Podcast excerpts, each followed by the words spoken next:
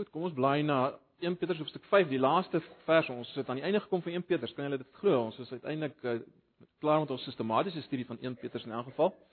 Uh, ek dink ons sal nog nog so twee geleenthede bietjie meer tematies oor oor sommige dinge wat dalk voorkom in 1 Petrus praat.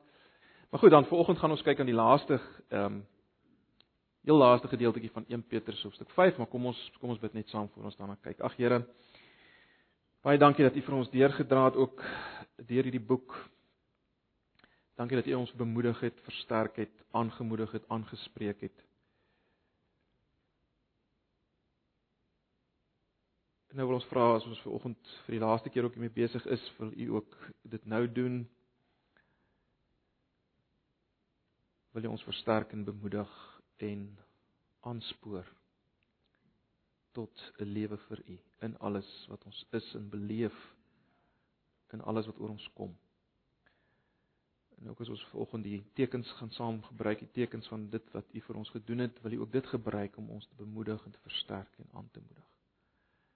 Asseblief, ons bid vanoggend vir elkeen wat nie hier kan wees nie, elkeen in ons midde wat siek is en wat swaar kry. Baie van wat ons nie eers weet nie, innerlike stryd en worsteling. Ag Here, ek wil vra dat U maar net sal aanraak, sal beweeg tussen ons, sal verstroos en sal versterk, sal oprig.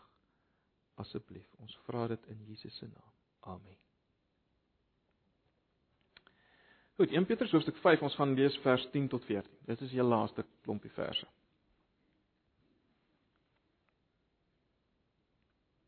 Ek lees maar die 53 vertaling.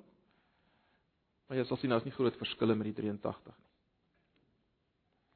1 Petrus 5 vers 10 en mag God van uh en mag die God van alle genade self wat ons geroep het tot sy ewige heerlikheid in Christus Jesus nadat ons 'n kort tydjie gelei het julle volmaak bevestig versterk en grondves. So dis vier dinge nê, volmaak, bevestig, versterk en grondves. Aan hom die heerlikheid en die krag tot in alle ewigheid. Amen. Deur Silvanus die getroue broeder, soos ek meen het ek kortliks aan julle geskryf om julle te vermaan en te getuig dat dit die uh dat dit die ware genade van God is waarin julle staan. Die mede-uitverkorene in Babylon en Markus my seun groet julle. Groet mekaar met 'n kus van liefde. Vrede vir julle almal wat in Christus Jesus is. Amen.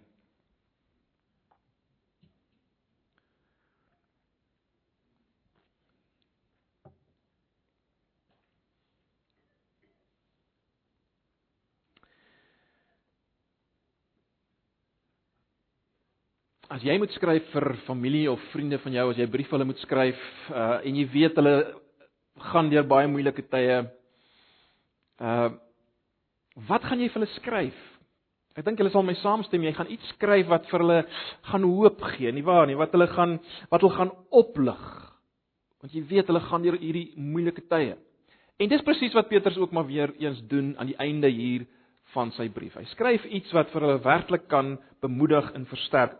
Onthou hy skryf vir mense wat ons nou gesien het wat hulle situasie is. Hy skryf vir mense wat eh, soos hy dit al genoem het deur 'n vuurgloed van vervolging gaan. Hy skryf vir mense wat vreemdelinge en bywoners is. Nie net in die sin dat hulle eintlik hemelse burgers is en nou op aarde is nie, in daai sin is hulle vreemdelinge en bywoners, maar hulle was werklik uh, 'n minderheidsgroep wat uitgedruk is en baie regte en voorregte wat die ander mense geniet het, het hulle nie geniet nie. Hulle was uh mense het van hulle slegte dinge gesê, ehm um, omdat hulle Christene is en anders geleef het. Hulle het moeilik gehad. Uh onder die regerende magte van die tyd. Sommige van van hulle het het, het moeilik gehad binne in hulle huwelike. Uh met nie Christen mans en so meer. So hy skryf vir hulle hierdie hierdie afsluiting.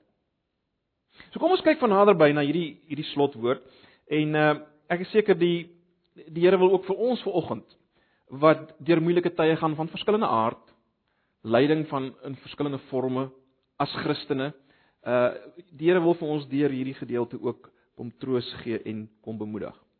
So kom ons kyk 'n bietjie hierna. Ek wil eerstens heel spring na na vers 13 want ek dink in vers 13 kom iets voor wat wat bedoel was om die gelowiges te bemoedig en te versterk. Al lyk dit miskien nie op die eerste by die eerste oogopslag so nie.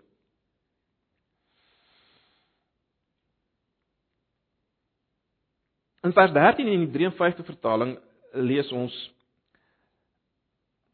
die mede-uitverkorene in Babylon en Markus my seun groet julle. Nou julle sal sien die 83 vertaling sê die gemeente in Babylon. 'n Uitverkore gemeente net soos julle as ook Markus my seun my seun stuur vir julle groete. Uh en in 'n waarheid, julle sal sien van die Engelse vertalings praat van she. Ehm uh, daar's 'n sy in wat natuurlik verwys na die gemeente. So ek dink die die uh, 83 vertaling het reg geïnterpreteer dat dit dat dit dat dit die gemeente is wat wat hulle groete stuur, maar natuurlik is baie duidelik dat Petrus is deel van daardie gemeente.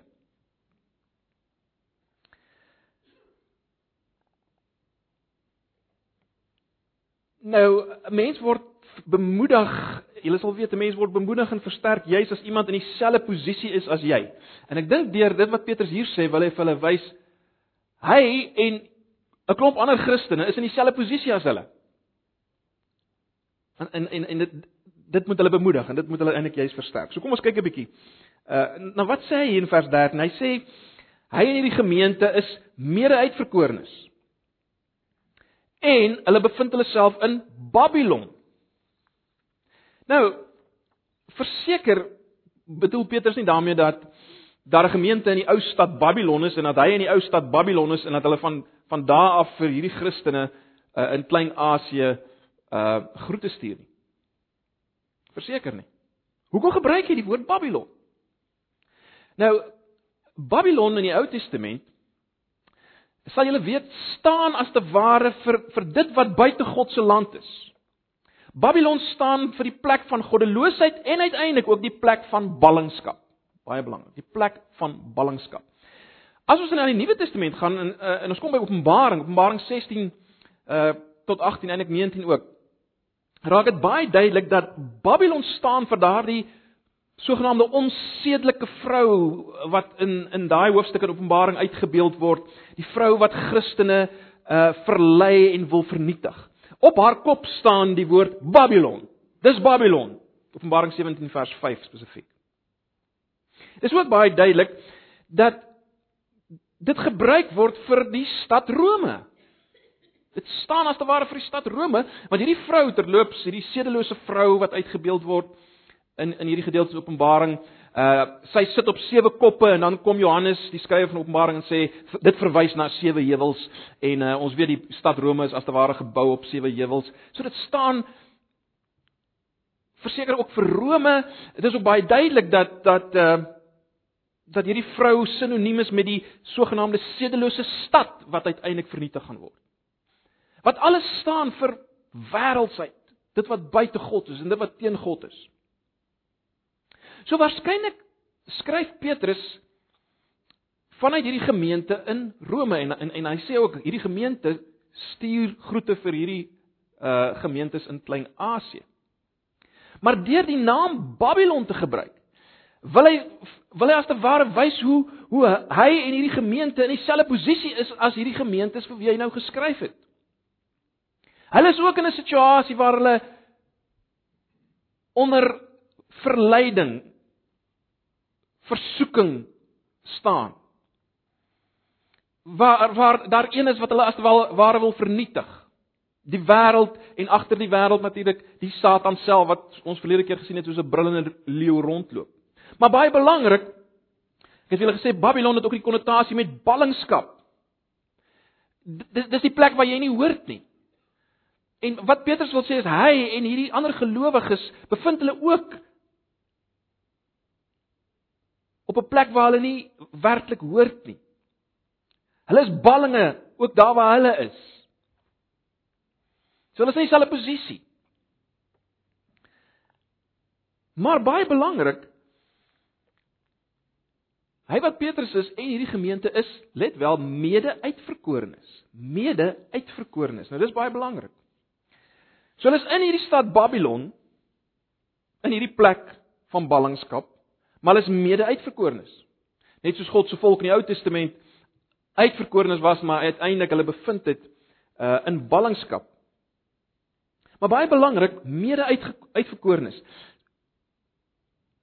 Wat probeer hy daardeur sê? Hy probeer sê hierdie gemeente in Rome van waar hy waarskynlik skryf dan ook Hulle en die ouens vir wie hy skryf is deur God gekies. Let wel, hulle het nie God gekies nie. God het hulle gekies. Uh ons sien dit baie eksplisiet in in uh 1 Petrus 1 vers 1 en 2, né? As Petrus sê, Petrus is 'n apostel van Jesus Christus aan die vreemdelinge van die verstrooiing in Pontus, Galasie, Kappadosie, Asië, Bitinië, uitverkore volgens die voorkennis van God die Vader. Daar bind Petrus ook die twee goed aan mekaar. Aan die een kant vreemdelinge. 'n Verstrooiing, mens kan amper sê ballingskap, aan die ander kant 1 Petrus 1 vers 2 uitverkore volgens die voorkennis van God. En dis dis dis baie baie belangrik. Dit is geweldig belangrik vir ouens wat in hierdie situasie is, in ballingskap is as jy wil om dit te weet. God het hulle gekies. Met ander woorde, per implikasie, God wil hulle hê. As jy iemand kies, wil jy hom hê. Vir geen ander rede, jy wil hom hê.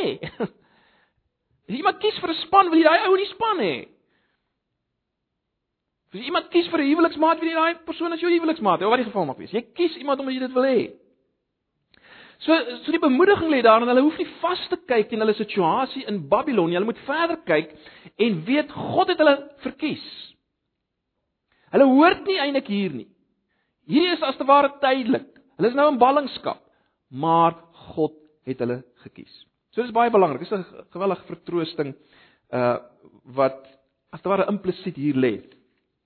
Ek ek wil nie veel daaroor sê nie, maar net so terloops die uh verwysing na Markus, my seun, groet julle. Ehm um, waarskynlik verwys dit ook nie na sy eie seun nie alhoewel hy dalk 'n seun kon gehad het, maar dit is nie dit, dit is waarskynlik nie wat hier aangaan nie, net soos Babylon as te ware staan vir iets seun verwys hier waarskynlik na sy seun in die geloof. Uh ehm uh, en en heel waarskynlik verwys dit na Johannes Markus, die persoon wat die evangelie van Markus geskryf het, wat hulle ook groet. Maar goed, ek wil nie daarop uitbrei want dit is nie uh, so belangrik vir ons nou nie, maar net net dat julle dit weet. Maar wat sê Petrus verder om hulle te bemoedig? Wel let op. Hy het nou gesê hulle is mede uitverkorenes in hierdie verse. As jy nou gaan na vers 1 is dit baie interessant. Hy sê hierdie God het hulle geroep tot ewige heerlikheid in Christus Jesus. Hierdie God het hulle geroep tot sy ewige heerlikheid in Christus Jesus in vers 10. Ek sê vers 1, ekskuus vers 10, nee, die eerste vers wat ons gelees het. So God se kies, die God wat hulle gekies het, vers 13. Daardie kies was 'n roep tot sy ewige heerlikheid in Christus Jesus. Uh kyk as jy 'n klomp mense moet kies, sê maar jy moet vanoggend hier klomp mense kies wat saam met jou iets moet gaan doen, dan gaan jy hulle roep en sê jy jy jy kom jy kom jy. Uh roeping en verkiesing in die Bybel ook is is, is baie keer sinoniem of dit gaan hand aan hand, né? Nee. Uh Paulus sê in Romeine, die wat hy geroep het, die het hy ook gekies. Maar nou is die vraag vir wat het God hulle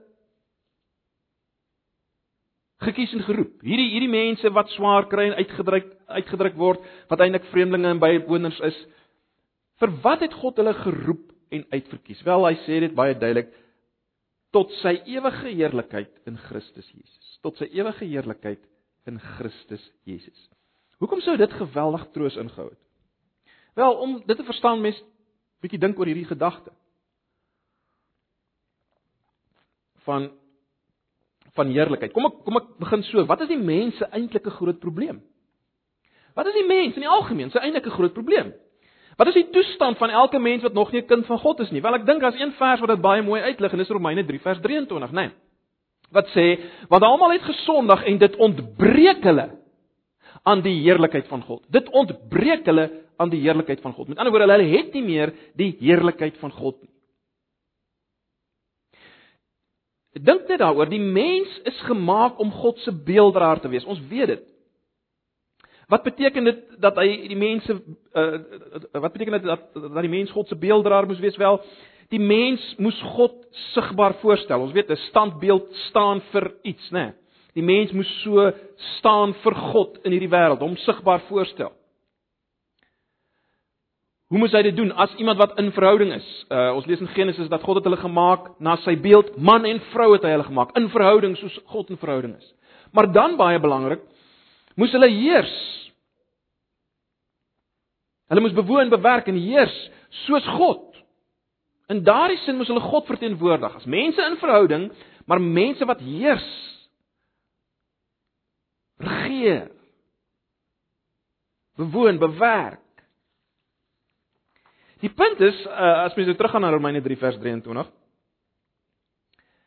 Die Bybel maak duidelik die mens is nie wat hy behoort te wees nie.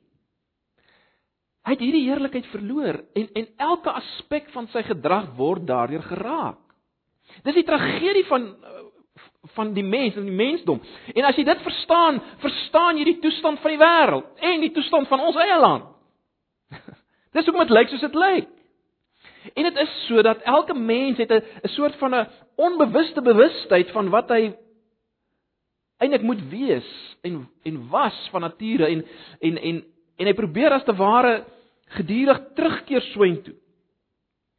En hy probeer homself oortuig, hy's besig om te slaag daarin, maar maar maar mislukking kleef aan aan elke mens. En dit is 'n geweldige frustrasie, is dit nie? Uh al die rusteloosheid en ongelukkigheid wat ons rondom ons sien, is as gevolg hiervan. Die groot kenmerk van van die nie-Christen is is is 'n geweldige rusteloosheid. Uh, uh daar's 'n vers in Jesaja, ek dink 57 vers 20 wat dit so mooi uitbeeld die die mense soos 'n onstuimige see wat wat altyd hierdie hierdie goeters al die vuil goed opbring, is is onstuimig, onrustig. Wat veroorsaak dit? Wat veroorsaak hierdie onrustigheid? Wel, mense is nie tevrede met wat hulle is nie. En daarom is daar geweldig stryd. Daar's ambisie en stryd en jaloesheid en hoogmoed en al hierdie goed lei uiteindelik tot geweld en moord. Alles wat beskryf word, dit loops ook in Romeine 3 vers vers 9 tot 20. Wat wys hoe lyk die mens wat nie die heerlikheid het nie.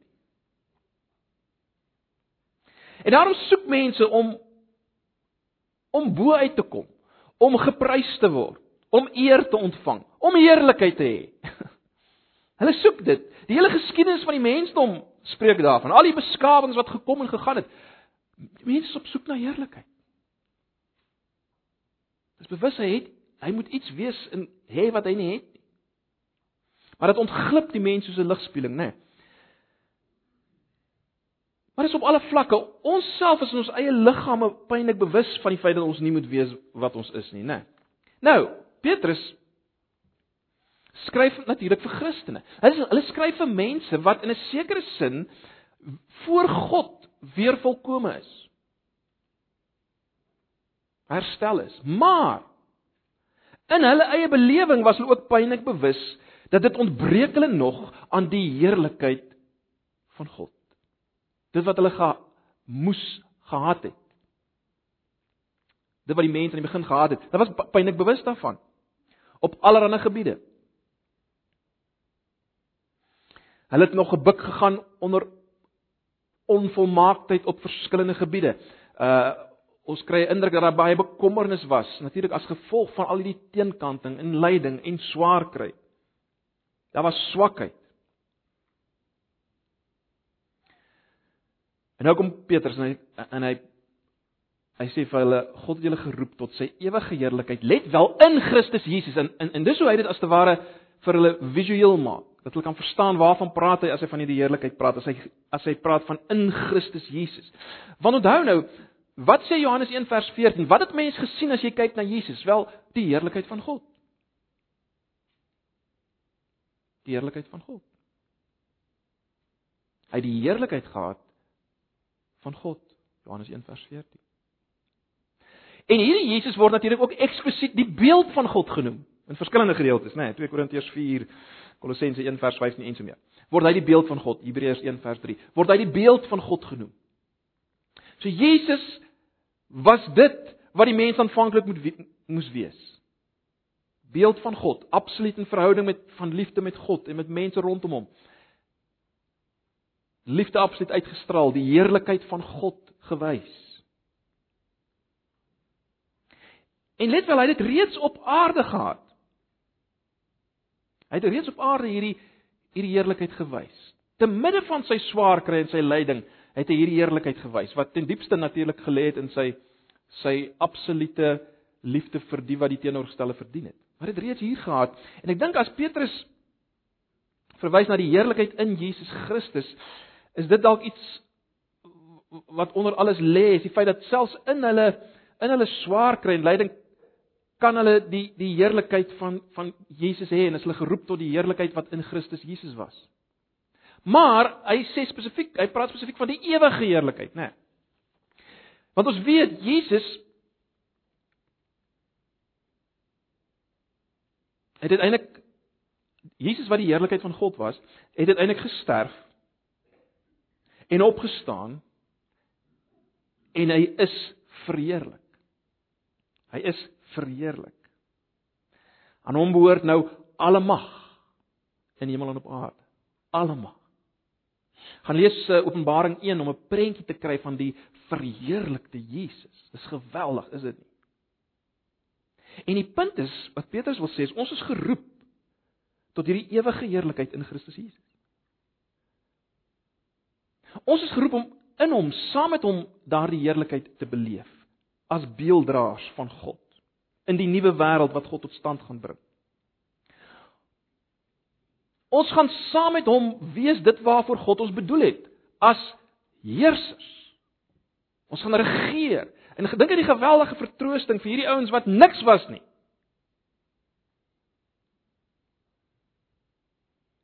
Dat hulle geroep is tot hierdie heerlikheid in Christus Jesus.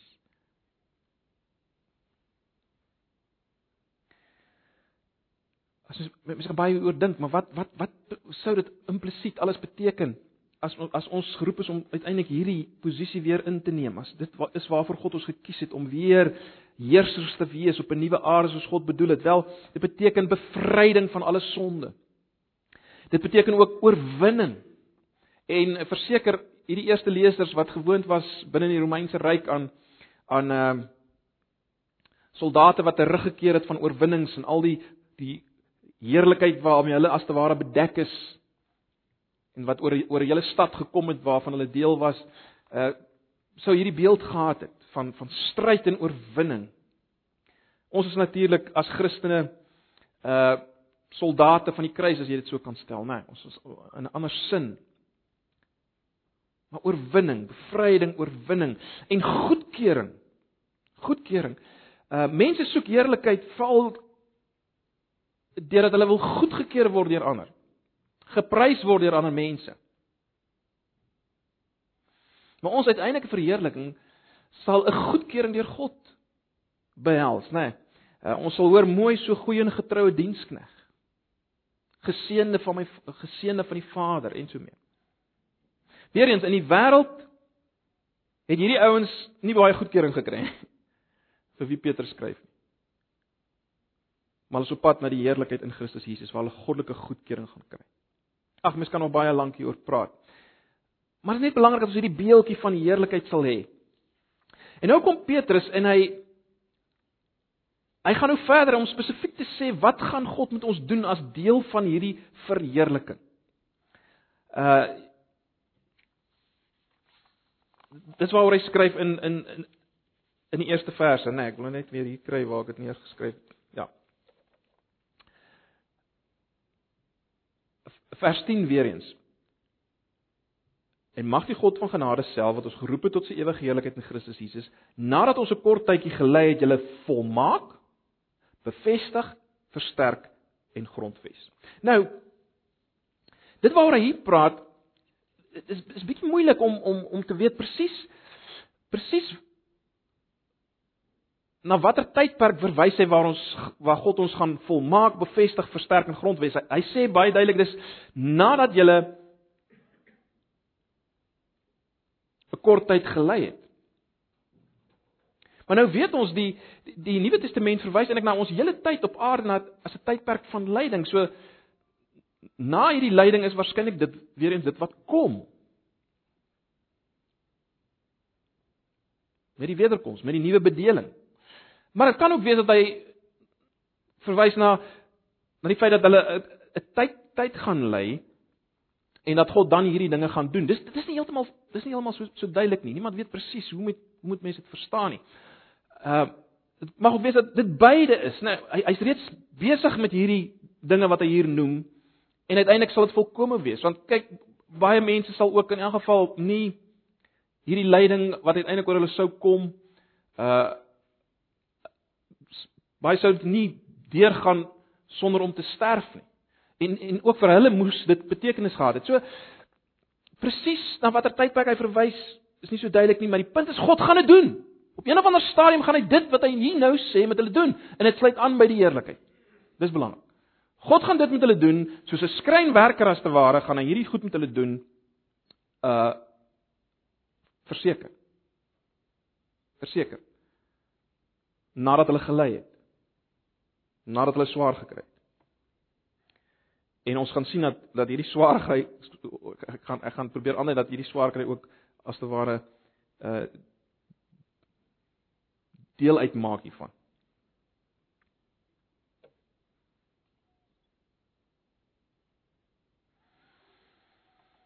Die eerste ding wat Petrus sê is hy gaan julle volmaak, dis soos die 53 vertaling dit stel.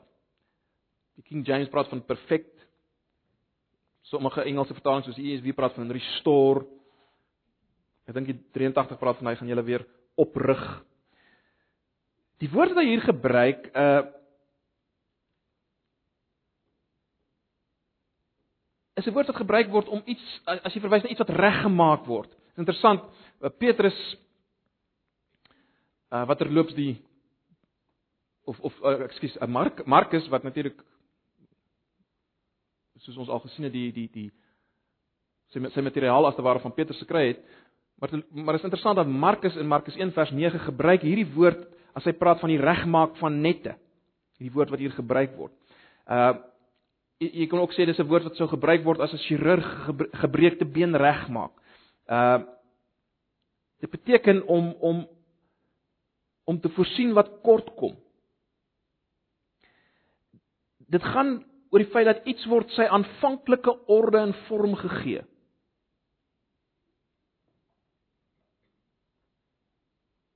Petrus sê God gaan dit met julle doen. En dit sluit aan by wat ons nou net in die algemeen gesê het oor verheerliking, nie waar nie? God gaan dit met julle doen. En alles wat nou gebeur, maak nie saak wat nou gebeur met julle nie. God is so intoe op pad. Hy gaan julle volmaak. Hy gaan julle oprig of herstel. Hoe jy dit ook al wil stel. Dis die eerste ding wat hy sê. Dan sê hy hy gaan julle bevestig. Nou vir al hierdie ouens wat as te ware deur die vervolging ontwrig is hulle staanplek verloor het, het so 'n geweldige bemoediging vir hulle ingehaat. Mense dink aan Petrus self uh, wat op 'n stadium Christus verloon het en uiteindelik word hy die rots waarop God sy kerk bou. Dis die gedagte. Uh hulle dryf nou rond, hulle gaan 'n vastigheid gegee word. Verwys na die herstellende genade van God vir hulle. Alles wat hulle as te ware verloor in hierdie tyd gaan teruggegee word. Wanneer God dit gaan doen, hulle gaan bevestig. Die la, uh, uh, tweede laaste woord wat hy gebruik, hy gaan julle versterk.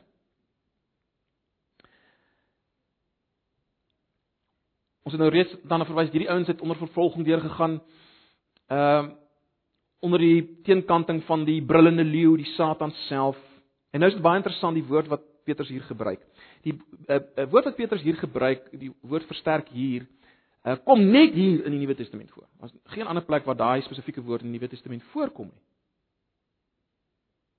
En is interessant die die selfstandige naamwoord van van die van van hierdie woord uh verskyn in die in die in die Griekse vertaling van Job, die Griekse weergawe van die boek Job, verskyn dit en verwys dit na die krag van 'n leeu. So die versterking is verwys na die die gee van die krag van 'n leeu as jy wil. En dis betekenisvol. Teenoor die Satan wat nou die brullende leeu is wat rondloop om hulle te soek en te verslind, sal hulle uiteindelik die krag van 'n leeu kry. Jesus word genoem die leeu die stam van Juda. Petrus sê vir hulle dis wat God vir julle gaan gee. Dis wat God met julle gaan doen. Julle gaan hierdie hierdie versterking beleef. En dan die laaste ding wat hy sê is julle gaan uh, God gaan julle grondves. Die gedagte hier is 'n uh,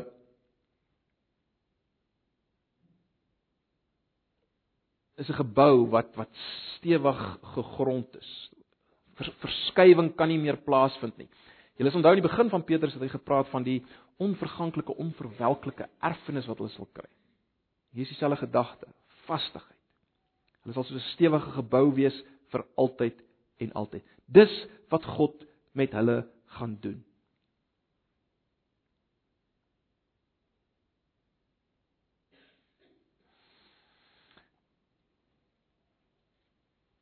Nou Dit is baie interessant dat dat Paulus as 'n vers in 2 Korintiërs, ons het al baie keer daarna verwys, 2 Korintiërs 4 vers 17, wat wat Paulus die volgende sê, hy sê want ons ligte verdrukking wat vir 'n oomblik is. Dis interessant, hy koppel dit ook aan 'n aan 'n klein tydjie. Want ons ligte verdrukking wat vir 'n oomblik, hy nooit ligte verdrukking was nie ligte verdrukking nie.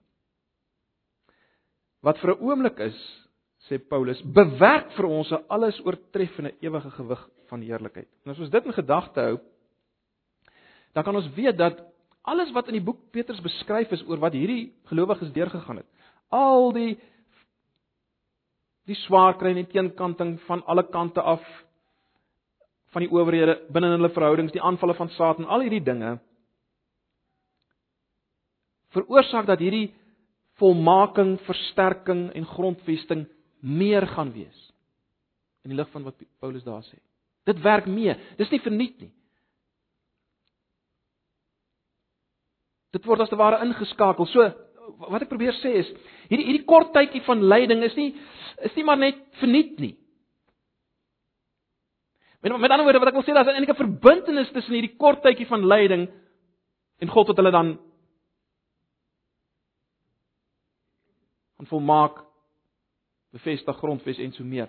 Hierdie kort tydjie van lyding, die dinge wat daar gebeur, bewerk dit, werk positief om dit te bevorder as te waar. Dis die gedagte soos ek sê wat hier hier, is dit nie so duidelik nie, maar dis dis dis al redelik duidelik soos ek sê uit 2 Korintiërs 4 vers 17 en dis geweldig. Dis geweldig bemoedigend. Niks wat jy deurgaan is net verniet nie. En dis waarna toe God op pad is om hierdie dinge te doen. Is interessant ons ons ons lees in uh, ons het ges, ons het gesien in in in in 1 Petrus 5 vers 6 dat dat Petrus sê God sal ons op die regte tyd verhoog. Op die regte tyd sal hy hierdie dinge doen. Wanneer presies dit is, so ek sê, is nie heeltemal so seker nie. Hoe seker is die eindresultate van alles wat hy hier skryf?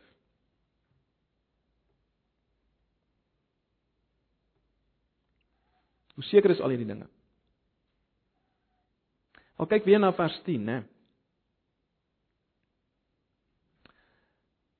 En mag die God van alle genade self wat ons geroep het tot sy ewige heiligheid in Christus Jesus nadat ons 'n kort tydjie gelei het, julle volmaak bevestig, versterk en grondves. Uh die struktuur van die sin is miskien nog duideliker in die 83 vertaling. Ehm um, as Pieter sê God wat alle genade gee en wat julle geroep het om in Christus Jesus deel te hê aan sy ewige heerlikheid, sal julle nadat julle 'n kort tydjie gelei het, self weer oprig, bemoedig, sterk en standvastig maak. Hoe seker is hierdie goeters? Wel, God self is daarin betrokke. Dis hoe seker dit is. Dit is nog belangrik om dit raak te sien. Peter sê God self sal dit doen. Hy gaan nie hy gaan nie dit oorlaat aan iemand anders om julle te volmaak en te bevestig en te versterk ensovoorts nie, om julle te bring na sy ewige heerlikheid nie. Hy self gaan dit doen. Hy gaan dit doen. God self gaan dit doen. Hy gaan nie sy werk aan iemand anders oorlaat nie, as ek dit so kan stel. Hy gaan dit self doen. En as jy wonder, ag, maar wat van al die goeders wat ek verkeerd al gedoen het en al my sonde en al my gebrokenheid, uh, uh, sal God dit regtig met my doen? Is hy nie moeg vir my nie? Wel, kyk mooi. Wie is hierdie God? Hy is die God van alle genade self. Vers 10. Die God van alle genade self. Wat is genade? Dis onverdiende guns aan die ou wat die teenoorgestelde verdien. Daardie God, die God van alle genade self, hy gaan hierdie ding doen. Onthou as hy jou gekies het in Christus Jesus, het hy ook jou geroep om in Christus Jesus verheerlik te word vir ewig. Hoe lank sal die lyding en die swaar kry nog duur? Wel, Petrus gebruik die woordjie 'n kort tydjie.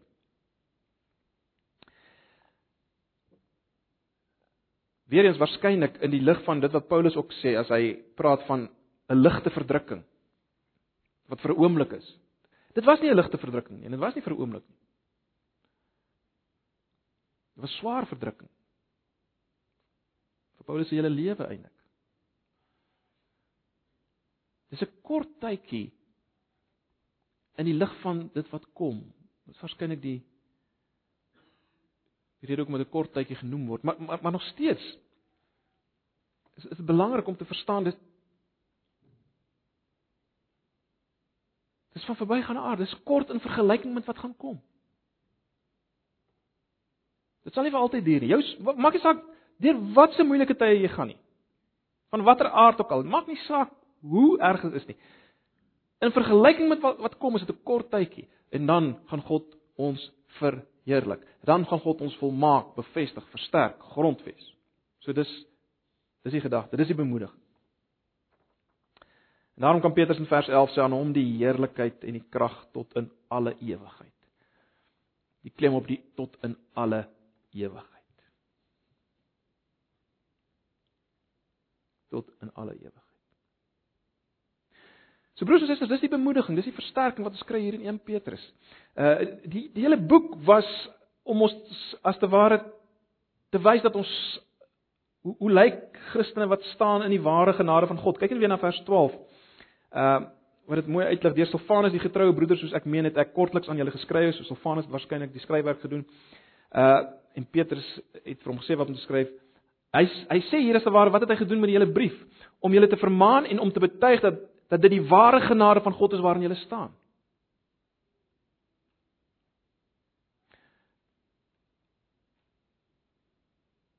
Dis belangrik om net dit te sien ter, ter, ter afsluiting. Wat Petrus dis sê is dit wat ek hier beskryf het, al die die swaar kry en al die stryd en die gevegte en die brullende leeu en ehm um, dat jy jouself moet verneder voor God en bekommernis op hom werp en al alles wat hy geskryf van die begin af. Al die goed was aan die een kant om hulle te vermaan, maar aan die ander kant om te wys dat dis dis die ware genade van God waarin hulle staan. As jy in die ware genade van God staan, dan is dit die goed wat gaan gebeur in julle lewens. So dis dit dit, dit lê ook in 'n sin daar in vers 12. Maar ag, broers en susters, mag ons ons self ver oggend maar net kom ehm uh, verbly in die hoop op hierdie heerlikheid waartoe God ons geroep het. Dis waarna ons op pad is. Dis waarna ons op pad is. Mag ons dit nooit vergeet nie. Laat ons mekaar daarmee bemoedig en versterk, want ons vergeet dit so dikwels. Ons kan so moedeloos raak uh in al ons omstandighede, van watter aard ook al die swaar kry wat ons deurgaan as gevolg van die gebrokenheid wat nog in die wêreld is. En as gevolg van die feit dat ons kinders van die Here is. Maar dis waar die Here ons ook volgens wil versterk en bemoedig deur die laaste woorde van Petrus. En nou gaan hy dit ook doen deur die nagmaal. Ehm um, Ons het nou gehoor toe God op pad is. Nou gaan ons die nagmaal gebruik om ook as te ware weer te sien dit wat God vir ons gedoen het in Christus Jesus. As hy dit vir ons gedoen het, waarvan ons die tekens gebruik het, verseker waarvoor het hy dit gedoen? Waarvoor het hy ons kom verlos? Om ons weer te verheerlik met 'n ewige heerlikheid, om ons weer te herstel tot wat ons was, tot dit waartoe ons geskep is. En as ons die nagmaal gebruik, kom ons dink daaraan. Kom ons kom ons beleef dit as ons dit as ons dit gaan saam gebruik. Dit is wat God vir ons wil doen. En dis wat dit vir hom gekos het om self mens te word, sy bloed te gee, sy bloed te stort, sy liggaam is gebreek. Maar so seker as ons hierdie goed gaan gebruik en 'n deel word van ons, so seker word ons deel van Jesus Ons is in Jesus en ons loop die pad wat Jesus geloop het. Wat ons nou al duisende kere vir mekaar gesê het, maar dit was dit lê maar weer hier. Jesus het die heerlikheid gehad op aarde en is uiteindelik verhewe, verheerlik, verhef, verhoog En ons is op pad soontoe. Ag Here, baie dankie vir u woord. Dankie vir die bemoediging en versterking daarin. Help ons om dit te hoor en om dit te vat en dit vir onsself te preek. Ook wanneer ons met tydkeer heeltemal wil hoop verloor in ons eie situasies. Asseblief, ons vra dit in Jesus se naam. Kom wees in ons midde in hierdie nagmaal. Wees hier teenwoordig. Ons vra dit in Jesus se naam. Amen.